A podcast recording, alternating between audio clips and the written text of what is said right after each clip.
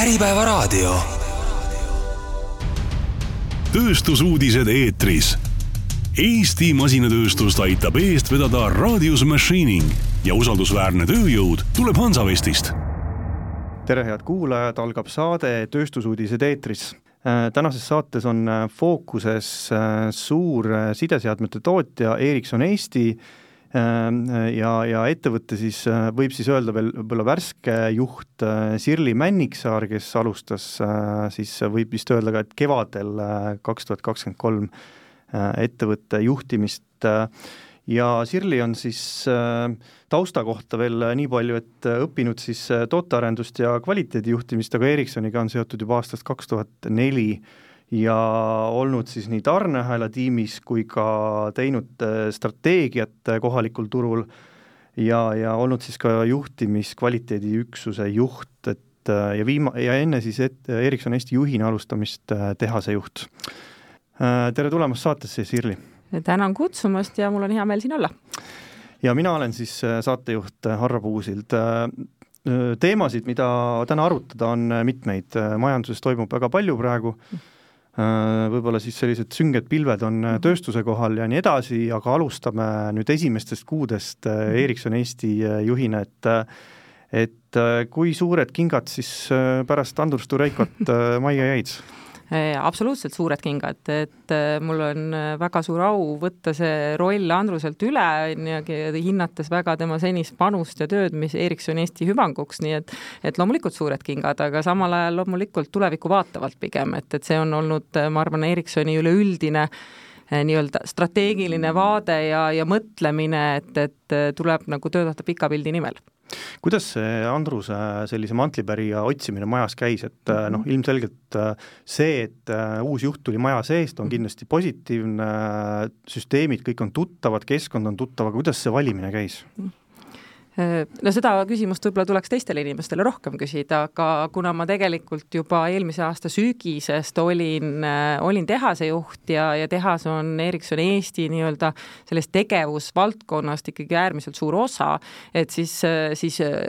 tahan arvata või tahan uskuda, et midagi mu tehase juhtimise töös oli ka siis silma jäänud, mis siis mõjutas ka seda, seda otsust et siin võib mõnes mõttes vist öelda, et see oli nagu loogiline jätk ka? Minul, ma arvan, et minule endale kindlasti ja, ja mulle tundub ka, et ettevõtte vaatenurgast on see võrdlemini, võrdlemisi loogiline vaat-, jätk, jah mida Andrus siis kaasa andis sellele teekonnale, kui palju enne seda jõudsite omavahel arutada, millist nõu ta andis, mhm. mille eest hoiatas, oli seal midagi sellist? Mm, me töötasime Andrusega mõnda aega tegelikult juhatuse liikmetena koos, nii et, et selles mõttes selline, pluss ka varasem kontakt on meil ju olemas olnud, kuna me oleme nii-öelda ühes organisatsioonis ikkagi pikemat aega koos töötanud, siis, siis loomulikult, eks ta andis kaasa erinevaid mõtteid ja nõu, aga, aga võib-olla samamoodi andis ta kaasa tegelikult sellesama sõnumi, millega ma võib-olla alustasin, et, et vaata tulevikku ja, ja liigume, liigume tulevikku ja suuremate unistuste suunal mis nüüd äh, esimesed kuud äh, toimunud on, et äh, see oli, juhtimise ülevõtmine oli vist märtsis sellel mm. aastal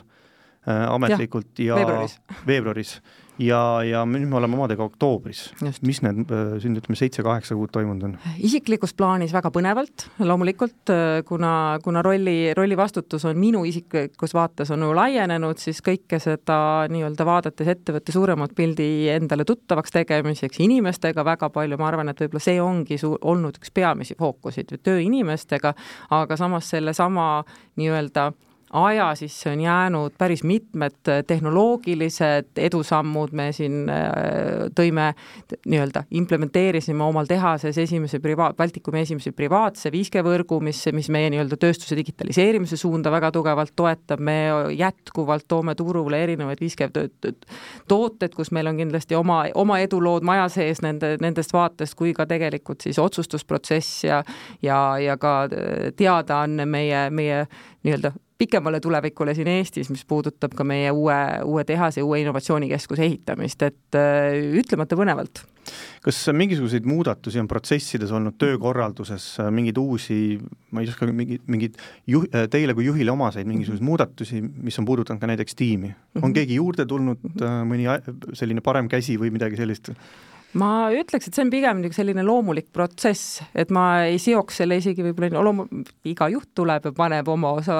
osad haiglasse, aga et ma isegi ei seoks seda nii otseselt võib-olla ajajoonele, aga loomulikult, et meil on, meil on muutusi olnud erinevatel põhjustel, et kes on inimesed liikunud meil mõnda Ericssoni teise üksusesse, me oleme natukene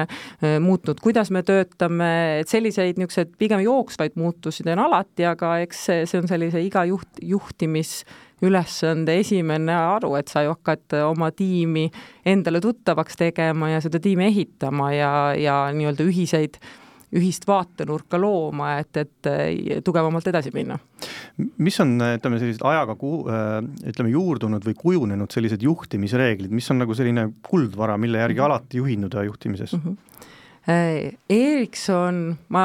lähen tagasi natukene Ericssoni, Ericsson on väga tugeva väärtuskultuuriga ettevõte ja see on, ma arvan, meie tohutu tugevus, et, et et mul on siin olnud äh, ka võib-olla noh, teistest riikidest, teistest valdkondadest külalisi, kes on ka käinud teistes Ericssoni üksustes ja siis astuvad Tallinnas sisse, loomulikult on mingisugused asjad on nagu erinevad, aga suures plaanis tuleb selline vahva kommentaar, oi, see on nagu Ericsson igal pool. aga see ei ole nagu halb kommentaar, see on just hästi positiivne positiivne, ehk siis äh, iga, iga riik, iga kultuur paneb mingi osa nii-öelda ennast sisse, aga me lähtume hästi tugevalt oma ühistest väärtustest ja, ja seesama, see ühised väärtused on, on, ma arvan, et meie juhtimiskultuuri hästi tugev osa. ehk siis, äh, et, et nii-öelda üksteist austav, äh, hästi nii-öelda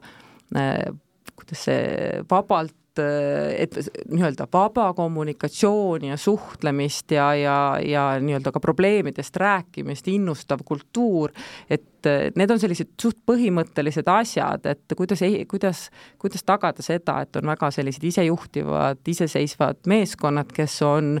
võimestatud võtma otsused, kes on võimestatud võtma edasi liikuda ja tulevikku nähes. Äh, kuidas sellist, ütleme, kui meeskonnas on mingisugune kriis, on mingisugused pinged, tülid, kuidas seda lahendada, et, et äh, kuidas teie reageerite? inimestega inimestega alati rääkides, et tegelikult äh, faktidest ja faktidest lähtudes, olukorrale otsa vaadates, juurpõhjusi otsides, tegelikult inimestega suheldes, et kõlab väga, väga lihtsustatult, aga see on selline ma ütleks, juhi, juhi üks suur ülesanne, et, et esmajoones sa ju töötad selle nimel, et, et et sul ei teki konflikte, aga mitte, see ei tähenda seda, et me alati kõik kõigiga nõus oleme, sest tegelikult see mitmekesisus, see, et meil on erinevad mõtted, arvamused, vaated, mõtted, taustad, see on tegelikult ju rikastab, et me oleme hästi, ma, mina isiklikult usun väga tugevalt, kui ta, et erisus rikastab, et sellised hästi mitmekesised ja mitmekülgsed tiimid, mulle ei meeldi kasutada sõna meeskond, ma vabandan, mitte tiim eesti keeles võib-olla kena poleks, aga aga et sellised hästi mitmekülgsed grupid inimesi alguses sa pead leidma selle ühise keele, aga peale seda on tegelikult, tuleb väärtus, et, et hästi tugevalt usun seda, et mitmekesisus tagab ärilise edu. Äh, no suvel tuli välja äh, põnev teade mm, -hmm. et, et nüüd küll juhtimise ülevõtmine oli veebruaris, aga kohe lükati töölauale siis uue siis suurprojekti, kuidas nüüd vedamine, et Ericsson teatas siis, et sada viiskümmend viis miljonit eurot Eestisse investeeritakse, tulemas on uus siis ütleme siis tootmis- ja arenduskeskus Äh, noh, korra on see meediast küll läbi käinud, aga ma küsin korra meie kuulajate huvides ka ära, et äh, kuidas sellise projekti võitmine Ericssoni grupi sees äh, Eesti kasuks siis käis, et kuna ma olen tehasega seotud olnud varem, siis ilmselt see teema mulle on nagu südamelähedane ja, ja nii-öelda millega ma olen töötanud juba, juba ka ennem selle aasta algust äh,, siis äh, loomulikult sellised protsessid võtavad oma aja aga suures plaanis minu jaoks on üks asi, ta on äärmiselt strateegiline otsus Ericssoni grupi sees, see on Ericssoni grupi oluline otsus, me oleme välja öelnud kõva häälega, et me moderniseerime oma niimoodi arendus- ja tootmis nii-öelda jalajälge Euroopas, et me räägime Euroopa Innovatsioonikeskusest tegelikult ja, ja loomulikult eestlasena siin istudes on mul uskumatult hea meel öelda, et see on ju Eestis. Ja, ja aga hästi tugevalt on see tegelikult on see tulem sellest, äh, mida, äh, mida meie kogu organisatsioon siin Eestis teeb, äh, seda, kui ma olen proovinud seda kuidagi niimoodi seletada, et kuidas et selleks, et olla nii-öelda organisatsioonina ja oma tegevusena ka suurema korporatsiooni sees jätkusuutlik, pead sa tegema seda, mida sult oodatakse, aga selleks, et olla nagu pikas pildis äh, nii-öelda oluline, pead sa ilmselt kogu aeg tegema midagi sellist, mida sult veel ei oodata, aga mida siis sult hakatakse ootama. ja ma arvan, et me oleme siin Eestis suutnud seda üle aastate väga hästi teha, et, et äh, nii-öelda juba oma sellise strateegilise koobi, skoobi muudatusega juba mitmete aastate vältel, kus me hakkasime sellest võib-olla lihtsamast tootmisest kuigi võib-olla kõrvalmärkus on elektroonika toos-, tootmine ei ole kunagi väga lihtne, aga nii-öelda ütleme siis nii-öelda tootmis, ainult tootmisest oleme hakanud arendama ennast nagu arenduskeskuseks ja, ja see on olnud selline väga huvitav transformatsioon ja, ja noh, loomulikult me lähme selles suunas veel edasi ma saan aru, et, et tegelikult noh, nagu see, mida juhtkond mõtlema hakkab näiteks paari aasta pärast, tegelikult see tuleks välja, mõtleb Eesti, Eesti mhm. nii-öelda üksus välja juba täna, et, et äh, siin on nagu mõned äh, male, malelauakäigud on ette ära tehtud. absoluutselt, see, ma arvan, see on selline üleüldine juhtimisülesanne, et kuidas olla, kuidas olla tulevikule orienteeritud ja valmis, valmi-, noh, täpselt, et kuidas olla kuidas aimata ette, mis võib tulevikus oluline olla? no kui selle jutuga nüüd äh, juhtkonna juurde mindi, et, et äh, kuulge, et teeme nüüd Eestisse selle, et pange mhm. sada viiskümmend viis miljonit Eestisse, et teeme ära, et, et me mhm. oleme ütleme noh, nagu väga hea koht selleks, et oli seal konkurente ka veel, et mõned mhm. riigid seal veel juures, et, et tegemist on ju väga strateegilise võimekusega grupi sees. kuna meil on Eestis täna see strateegiline võimekus juba, tähendab, see strateegiline võimekus on juba täna Eestis, et seesama Ericssoni tegevus siin Eestis eh, on tegelikult, eh, on juba see innovatsiooni ja tehnoloogiakeskus. küsimus on võib-olla, kuidas me oleme pakendatud täna väljaspoole vaadates ja, ja kas meil on võib-olla see töökeskkond või ka see teatud tehnoloogiline keskkond, mis võimaldab meil sellist järgmist arenguhüpet teha. ja, ja see, see otsus on kindlasti orienteerunud sinna suunale. aga me täna juba tegeleme toodete arendamisega suures plaanis, kui nüüd lihtsustatult öelda, et sellest, et meil on erinevad suured arendusüksused üle maailma ja ja, töötates nii-öelda partnerite igapäevaselt koos, me toome to neid tooteid turule, et sellest hetkest, kui need tootel nii-öelda paberi peal välja mõeldakse, eh, sellest hetkest, kui me hakkame esimesed prototüüpe tootma, Tallinn on juba kaasas. ehk siis see juba iseenesest on äärmiselt strateegiline tegevus, selline toodete tootestamine, tooteliinide arendus, toodete testimissüsteemide arendus, see on see, mida me täna juba teeme. Eh, loomulikult, eh, kui tulla nüüd selle jutuga, et me näeme, et meil oleks vaja nüüd seda järgmist arenguhüpet ja meil on näha, et erinevatest vaatenurkadest, vaatenurk, me võime rääkida efektiivsusest, vaatenurk, me räägime jätkusuutlikkusest, ma pean siin silmas sellist eh, noh, keskkonna ja, ja sellist üle noh, süsinikneutraalsuse vaatenurka. Ja aga tegelikult ka väga tugevalt sellist töö, targa tööstuse ja tööstus, neljanda tööstusrevolutsiooni suunda, siis ühel hetkel sa saad aru, et see keskkond, kus sa töötad, on sarnaselt oluline kui see, mida sa seal teed. ja, ja see oli võib-olla siis see meie nii-öelda juhtmõte, kui me, kui me selle otsuse suunas liikusime, et loomulikult kõik sellised strateegilised otsused kaalud sa läbi mitmest vaatenurgast ja ja alati võivad lauale tulla ka kõik erinevad riigid, aga võib-olla ma siinjuhul veel lisan, et selline, selline tootestamine ja tootearendus on äärmiselt äh, kompetentsi ja oskuste mahukas töö. ja, ja see oskuste ülesehitamine ei ole kindlasti selline, et kuskil on odavam või kuskil on lihtsam ja lähme, lähme viime selle tegevuse homme kuhugi mujale. et see on ikkagi pikkade aastate töö tulemus ja, ja täna, täna mul on nagu julge öelda, et Eesti teeb seda tööd hästi. kas me, kas me siis võime öelda, et, et sellise keskuse rajamine, nagu see täna plaanis on,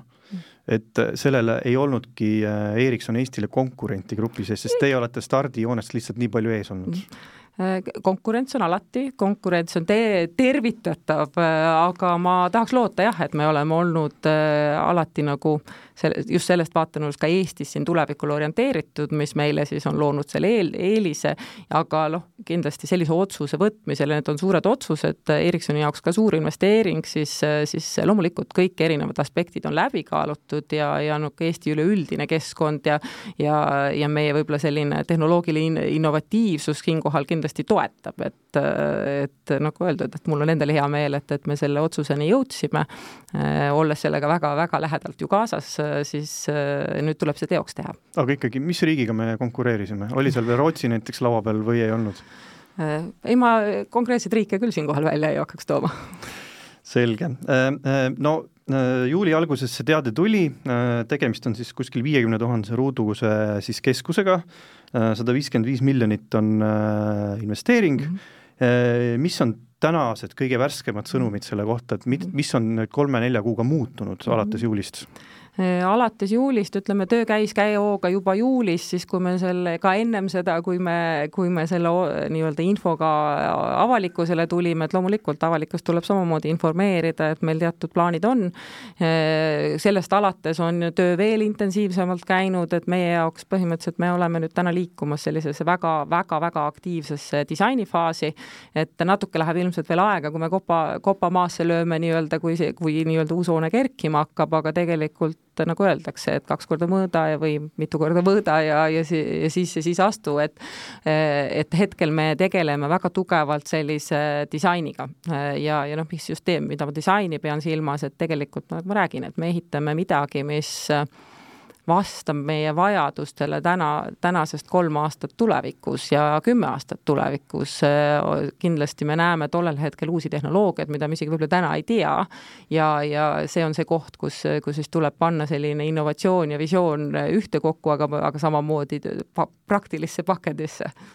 ma saan aru, et, et see, see hoone kui selline, et, et see ütleme noh, tavapärane ja kui me tehase peale mõtleme, siis on lihtsalt, on mingi karp ja mingis nurgas on üks paar korrust äh, kontoreid, noh, sellised on selline tavapilt. aga ma saan aru, et see ei ole täpselt mitte tavaline nii-öelda tehas, vaid ikkagi äh, see layout, see ruumide paigutus, kus mida täpselt asub, et äh, see ongi keerulisem protsess? absoluutselt, see on kindlasti keerulisem protsess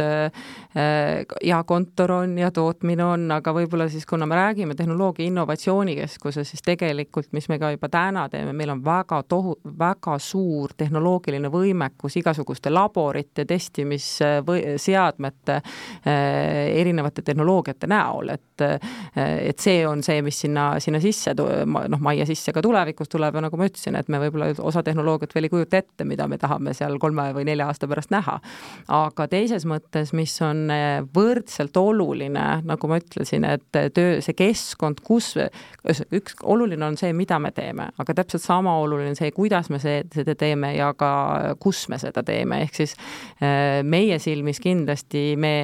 nii-öelda loome lipulaeva, mis puudutab äh, jätkusuutlikkust, me loome lipulaeva, mis puudutab digitaliseerimist ja, ja sellist ühenduvust just toote, tööstuse ja tootmise vaates, aga siis ka meie jaoks on see selline me nimetame seda ise nagu niisugust integratsioonikeskkonnaks äh, nii füüsiliselt kui virtuaalselt, et nagu ma ütlesin, et Ericssoni tootearendus kindlasti ei ole see, et, et meil nii-öelda noh, ütleme, et kolm, kolm inseneri koha peal teevad tööd. Ja need kolm insenerit siin kohapeal teevad ka, aga et see on niisugune suurem innovatsiooniprotsess paljude üksustega ja ka mitte ainult siit, et et kuidas me sellise, äh, sellise nii-öelda R&D või arendusinseneri, kes võib-olla ei asu Eestis, äh, toome igal hetkel äh, sellesse tootmiskeskkonda, samamoodi kuidas me töötame koos oma klientidega, tuues neid väga palju lähemale, mis puudutab tootmist, mis puudutab sellist äh, tööstuse innovatsiooni ja äh, nii et, et see kindlasti see keskkond on äärmiselt oluline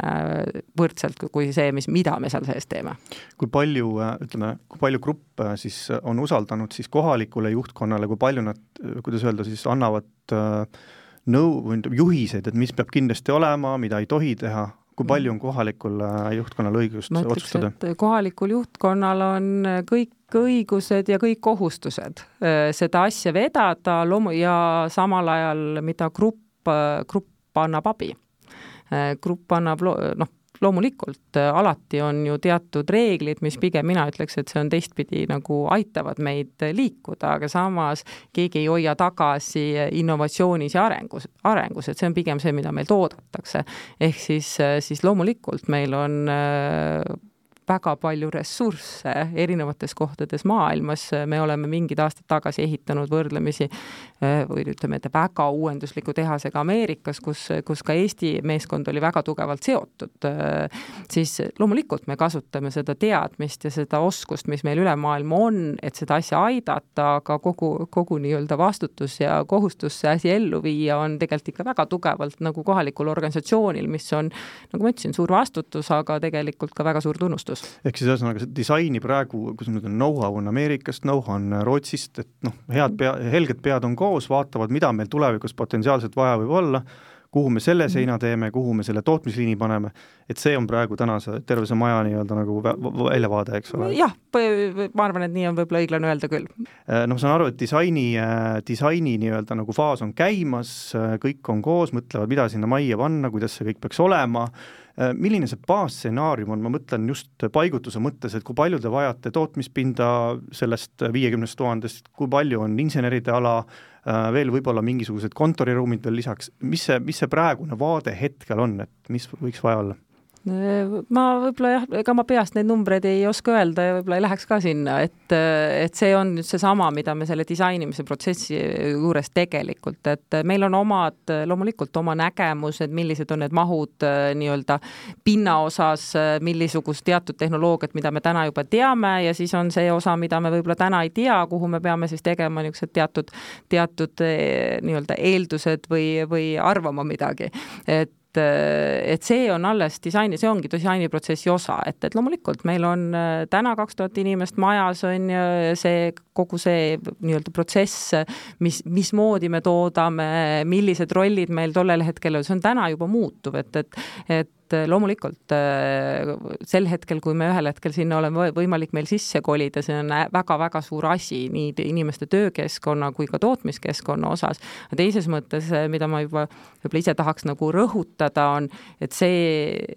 ega see ei tähenda, et areng täna seisma jääb, et hiljuti just kuulsin sellist kena ütlemist, et sa pead Äh,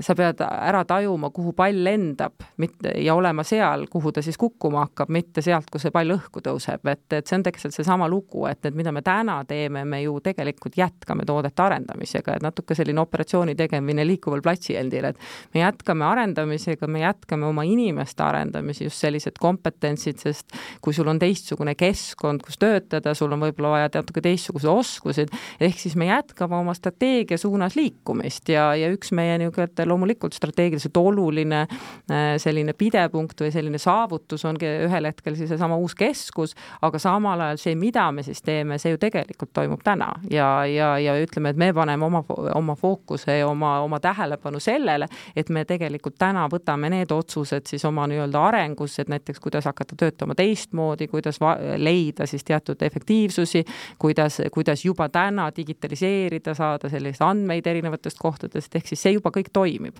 ja, ja see on selline jätkuv jätkuv teekond, kuhu, kuhu me siis lihtsalt järgmise sammu võtmiseks võib-olla siis mõne aasta pärast. aga seda ikka, kus need jämedad jooned jooksevad, et kas me tõmbame maja pooleks, kakskümmend viis tuhat ruutu on tootmine või, ja teine pool ei ole või, või kas me saame juba niimoodi öelda? no Ericsson on, Ericsson on tehnoloogia liider maailmas, mis puudutab mobiilside valdkonda. loomulikult, olles arenduskeskus, siis meie, meie vaade on tehnoloogial ja, ja sinna juurde me võime panna ka ju tegelikult mida nagu võib-olla siis, kuidas me täna töötame, et, et eh, noh, mitte ainult Ericssonis, võib-olla üleüldse, et kuidas ühiskond on liikunud, et inimesed ju pigem, eh, kes on hübriidsed tööd, on, on palju liikuvam keskkond, et, et eh, et et vaatame, kus me oleme kolme aasta pärast, aga et meie fookus on kindlasti töö sellel tehnoloogial, sellel, et meil on see võimekus, selline integratsioonikesk-, keskkond inseneridele,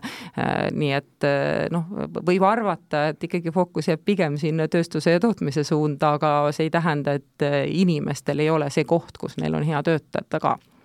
kuidas see investeeringu äh, maht, äh, sada viiskümmend viis miljonit jaguneb, äh, palju maksab karp, palju maksab sisseseade ja kuidas see on jagunenud mm.? Need on äh, jah, küsimused võib-olla, mida ma siinkohal ei kommenteeri, et, et need jäävad, jäävad meile planeerimisülesandeks ja, ja ühel hetkel võib-olla siis, kui me oleme sealmaal, et, et sinna sisse kolida, siis me võime seda mõtet nagu laiemalt avada, et kui, et kuidas asjad arenevad, et nagu ma ütlesin, et, et me jätkame oma arendustegevusega praegu, me jätkame oma tehnoloogilise, tehnoloogiliste investeeringutega ka praegu, et need ei ole tegelikult nii otseselt majaga seotud. ehk siis need on seotud meie tegevusega ja, ja siis me me ühel hetkel tahame seda arengusammu, kus meil siis maja meid, meid toetab äh, natuke teisest vaatest, nii sellest, kui meil on inimesed saavad erinevate majade asemel ühes kohas koos töötada in,, innovatsiooni luua, äh, kui siis selleni, et, et me tagame ka nii-öelda äh, sel süsinikneutraalsus oma tegevuses, et, et see kõik sellised asjad, kuidas me sinna jõuame oma tegevuses, on see, mis meil on täna laual. Ja, ja see on see, kuhu me suunas me täna juba investeerime, mitte ainult selle maja näol. Mis see, ütleme, see pinna mõttes, mis see tähendab, et, et kui te täna kasutate erinevaid maju, siis te kolite kokku, viiskümmend tuhat ruutu on uue siis arenduskeskuse või keskuse pind,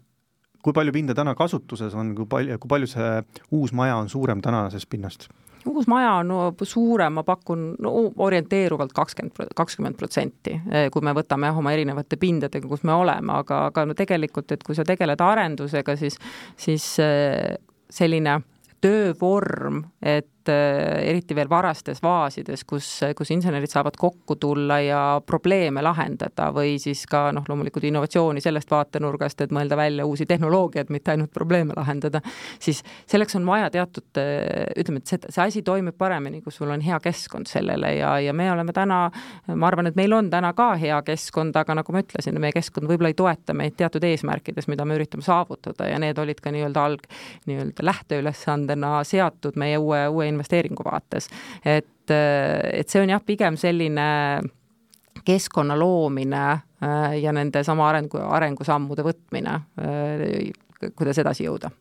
Aga räägime inseneridest, et äh, töötajaid on teil, või ütleme, tiim on teil väga suur, üle kahe tuhande inimese, kaks tuhat kakssada isegi vist, kui ma õigesti mäletan numbreid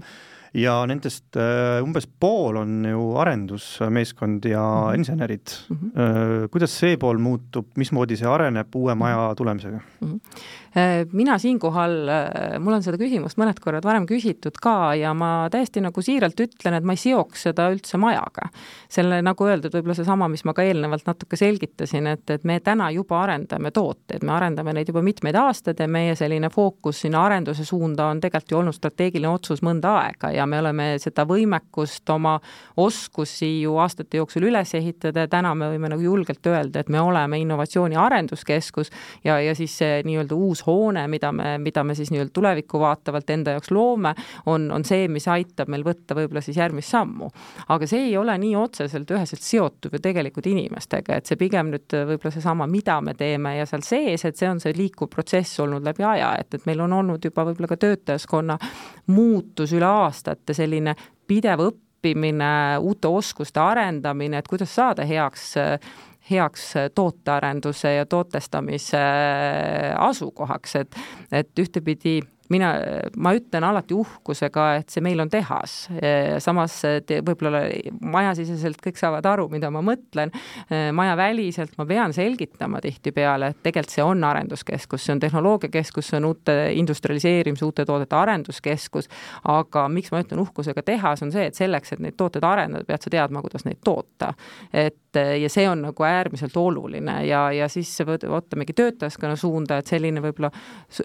rohkemast masstootmisest me oleme liikunud arenduse suunda mitmeid aastaid. aga seesama, see jätkub, seesama liikumine jätkub, et ja tõepoolest äh, meil on, ma arvan, üle poole töötajaskonnast täna ühte või teistpidi seotud arendustiimidega, äh, noh, sealhulgas insenerid, erinev tehnoloogiline personal, testiarendust, nii-öelda tarkvaraarendajad, riistvaraarendajad, Äh,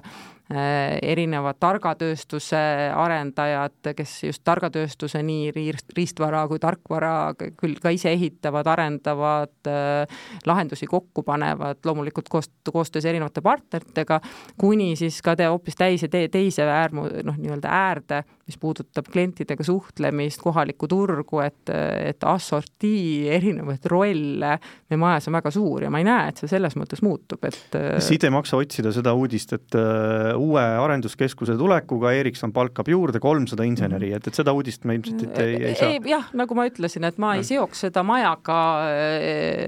kui see uudis tuleb, siis ta tuleb ilmselt teistel põhjustel, aga see ei ole majaga nii otseselt seotud. aga võimekus siin ühesõnaga kasvada on, et kui vaja on äh, tiimi juurde, arendajaid, äh, talente, siis äh, lihtsalt tekib neile see või nii-öelda ruum nüüd juurde ja võimalus on tulevikus olemas, eks ole? absoluutselt. aga räägime siis inseneride saadavusest, kuidas mm -hmm Äh, no inseneridest räägivad täna kõik äh, tööstusettevõtted, see on suur mm. probleem, järelkasvuga on teravad puudujäägid, Oskar raport ütleb ka, et, et meil inseneride taevas on sünged pilved, kuidas Ericsson leiab insenere mhm. täna mm.? me räägime ka me räägime ka suhteliselt kõva häälega sellest, et ma, ma saan uhkusega öelda, et ma arvan, et meil on väga tugev ja kihvt insenerkond majas ja, ja, ja me leiame, aga ma ei saa öelda, et me lihtsalt leiame, et et, me loomulikult, meil on ka, me näeme täpselt sedasama pilti, mida ilm-, noh, millest räägitakse ja mida ka teised tööstusettevõtted näevad, et insener ja niisugust üleüldist tehnoloogia valdkonda noh, nii-öelda pead, peale tulevat põlvkonda ja insenerkonda ei ole, ei ole piisavalt ja seda oleks palju rohkem vaja, et et meie meil on ligi seitsekümmend erinevat rahvust majas, äh, mis äh, siinsamas Eestis, mis näeb, et, et ütleme, et meil on ka tippinsenere, kes tulevad mujalt maailmast. Äh, see on üks osa. aga loomulikult esmajoones sa ju vaatad siiasamasse Eestisse, on ju, et Eestis inimesel oleks hea töötada ja, ja talle neid võimalusi pakkuda, et meie selline väga tugev ka tehnoloogia valdkond üldiselt, me näeme, et võib-olla see trend tarkvarainseneride vaatenurgast isegi ei ole Äh, nii halb, kuigi ma arvan, et neid on ka kõvasti rohkem vaja, aga meie näeme isegi enda vaatenurgast sellist riistvara ja võib-olla siis ka insenerkonda, kes tarkvara ja riistvara väga hästi kokku oskaksid panna, mis on ka see targa tööstuse tulevik ju tegelikult, et see on see koht, kus me teinekord oleme vähe hädas, et ja noh, võtame ka raadioside valdkonda, et et ma võib-olla siinkohal nagu lihtsalt peaks veel täpsustama, et et isegi kui neid insenere Eestis on, siis vahest meil on neid rohkem vaja, kui võib-olla siit turult leida on, et, et see on nagu meie, meie võib-olla spetsiifiline probleem, aga ma üle, üleüldises plaanis kindlasti näen, et me peame kõva häälega rääkima sellest, et kuidas noored tehnoloogia valdkonda jõuavad, kuidas nad, kuidas, sest see avab neile nii tohutult suure maailma, et nähes, mismoodi meie enda insener, insenerid ja üldse noh, kogu, kogu selline arendus, arenduste tiimid, mis võimalused neil on, et sa töötad maailma täieliku tipptehnoloogiaga, nii, nii tootmises, sul on võimalus katsetada, sul on võimalus äh, innovatsiooni luua, sul on võimalus äh, patente registreerida, et seda, et see, noh, see on tegelikult äh, viis ennast teostada ja just nimelt seda nagu noh, võimekust proovile panna ja samal ajal, et kurb on, kui tegelikult suur osa noh, ütleme, et piisavalt suur osa noori kunagi ei jõua selle, nende võimaluste juurde, et see on see, miks me kindlasti peame rääkima sel teemal. aga mis need seitsekümmend eri rahvust, et see on ju muljetavaldav selline nii-öelda, kuidas ma ütlen, Äh, valik, et äh, miks, äh, miks nad on Eestisse tulnud mm, -hmm. mida nad ütlevad, kas siin on siis kaks poolt kokku saanud, et ühtepidi innovatiivne ja IT, IT-mainega Eesti ja, ja pluss siis Ericsson globaalne -hmm. ettevõte, et miks nad tulid -hmm. Eestisse, mis neid tõmbas siia? No eks me üritasime nad siia saada, et jah, Ericsson ise toimetab saja kaheksakümnes riigis, ehk siis meil, meil on teatud tegevus ikkagi põhimõtteliselt pea igas riigis maailmas, on ju, kõik, kes on sõbralikud riigid, ja mis puudutab, loomulikult me liigut-, meil inimesed liiguvad erinevate üksustega, et see loob meile teatud maine, mis võimaldab meil nii-öelda, mille juurde inimesed oskavad tulla teistest riikidest. aga teises plaanis nagu ongi, et, et me räägime tegelikult teatud oskustest ja kompetentsidest, et kui, kui me näeme ikkagi ühel hetkel, et meie siitsamast Eesti turult võib-olla ei ole leidnud seda, on ju, siis, siis meie jaoks tegelikult see värbamine on ülemaailmne kas siis meie enda erinevatest üksustest või mujalt. Ja, ja nagu ma ütlesin, et jah, ligi, ligi seitsekümmend erinevat rahvust, mis loob sellise ütlemata vägeva mitmekesise meeskonna meil kohalikult, aga mis nad ütlevad, et et jaa, neile ikkagi ma arvan, et Eestis meeldib elada, et Eesti selline üleüldine elatustase on, on võrdlemisi hea, on just seesama innovatiivsus, see digitaliseeritus, on, on, on täna ikkagi näha, et, et see ikkagi toetab ka mujalt siia tulemist kuidas,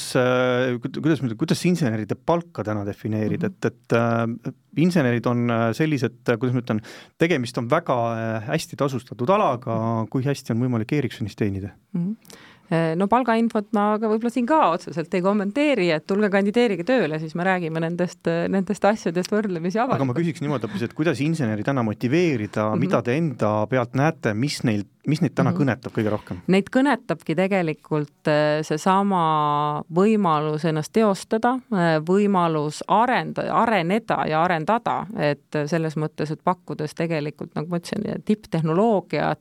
võimalus kaasa rääkida, kuni siis selleni patentide taotlusteni erinevate tehnoloogia arendustes ja tegelikult head töökeskkonda ja sellist nagu olles osa siis sellest samast kultuuriruumist on mingi spetsiifiline mingi omadus ka mõnel, et, et noh, mingi heas mõttes kiiks mm, -hmm. Et vot see asi on nüüd asi, mis minu puhul töötab. on niisuguseid näiteid? meil on äh, üle kahe tuhande inimese äh, ja inimesed on erinevad ja, ja loomulikult suure ettevõttega pead sa leidma need niisugused ühised jooned, aga, aga tugevalt äh, meie enda väärtustele tuginedes ja, ja loomulikult seesama nii-öelda inimeste töökeskkond on nendel samal nagu väärtusruumis, ruumiga seotud. et jaa, meil kõigil on ju,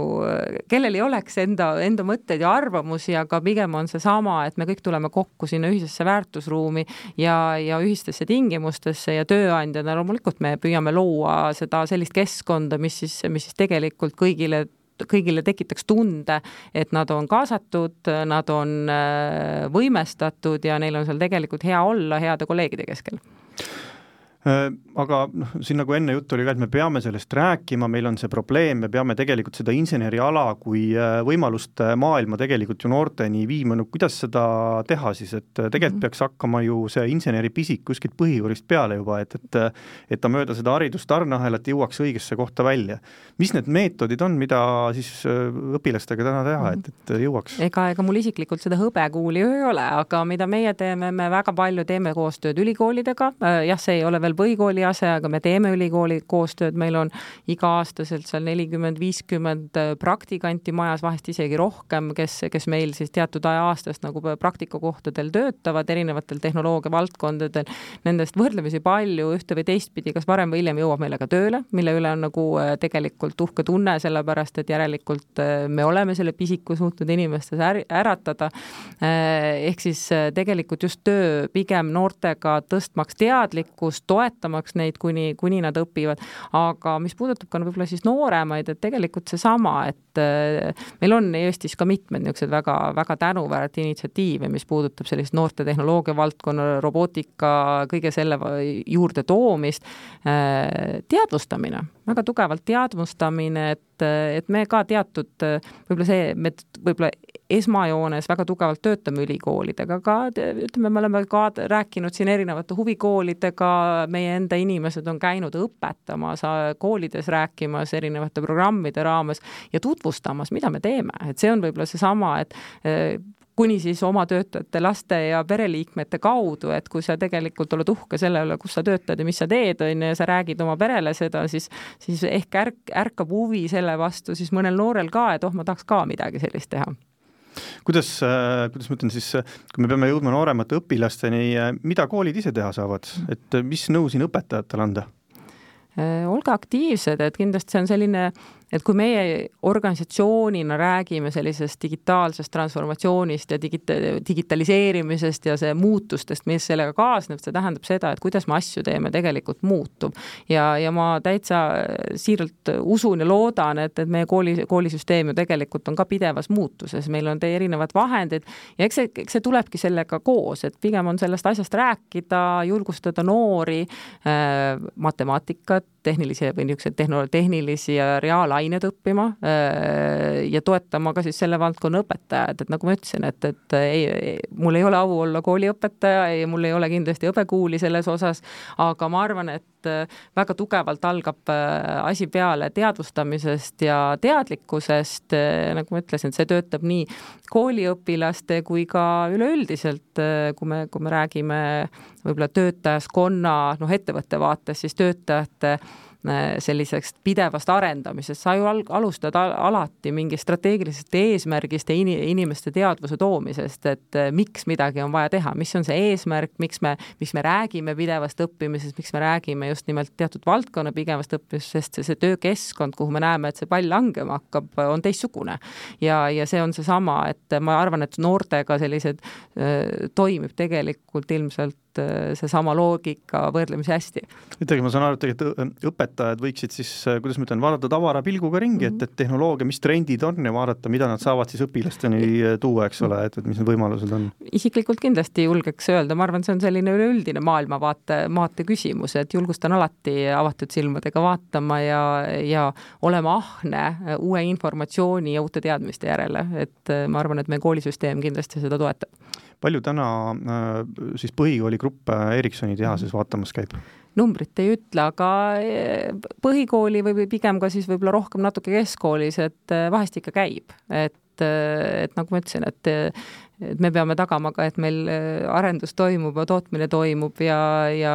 et kindlasti me hoiame teatud piiri kõikidel nendel käimistel, aga aga teises võttes meil jaa, meil erinevaid gruppe ikkagi tead, nagu ma ütlesin, erinevate huvikoolide, keskkooli äh, või gümnaasiumi taseme puhul ikkagi käivad ja siis me üritame neile kõik võimalikult äh, entusiastlikult ja võimalikult ülevaatlikult tegelikult rääkida, mis me teeme ja meil on oma, oma, oma inimesed, oma insenerid, oma juhid, vahest vaatad suurte silmadega ja näed seda energiat ja seda rõõmu, millega nad nendele noortele neid mõtteid jagavad.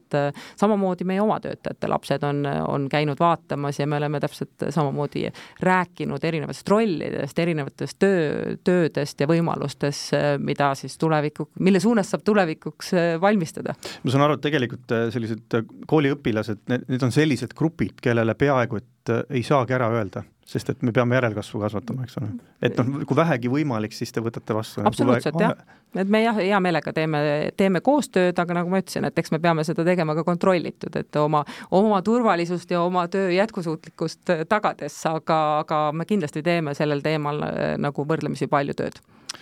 räägime natukene majandusest ka, et ega siin, ka siin on äh, sünged tormipilved äh, pea kohal, et kui vaatame, mis, mida näitab statistika, väliskeskkond on ebakindel, nõudlus langeb, tööstustoodang langeb,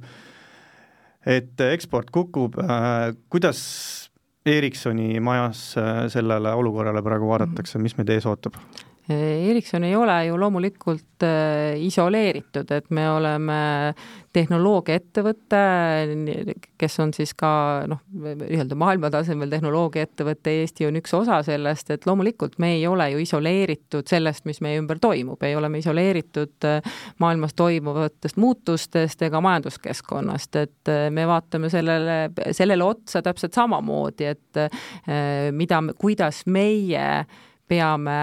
tagama oma strateegia ja oma jätkusuutlikkuse, et eh, esmajoones eh, võib-olla siis minnes tagasi algusesse, vaadates pikka pilti, eh, kuidas me tuleviku suunas liigume, aga tänasel päeval võib-olla üks äärmiselt oluline märksõna on, on säilenõtkus, et selline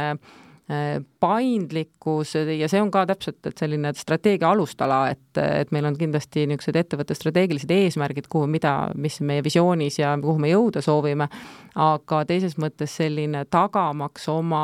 äri jätkusuutlikkuse, säilenõtkuse, paindlikkuse, et kuidas selles uues, uues muutlikus maailmas nagu hakkama saada, et, et neid, need otsused on meil tegelikult juba päris mitmete aastate jooksul väga alati kogu päevakorras olnud, me oleme sellest äärmiselt palju rääkinud ja me täna lihtsalt näeme, et, et see on, see on ainuke viis edasi minna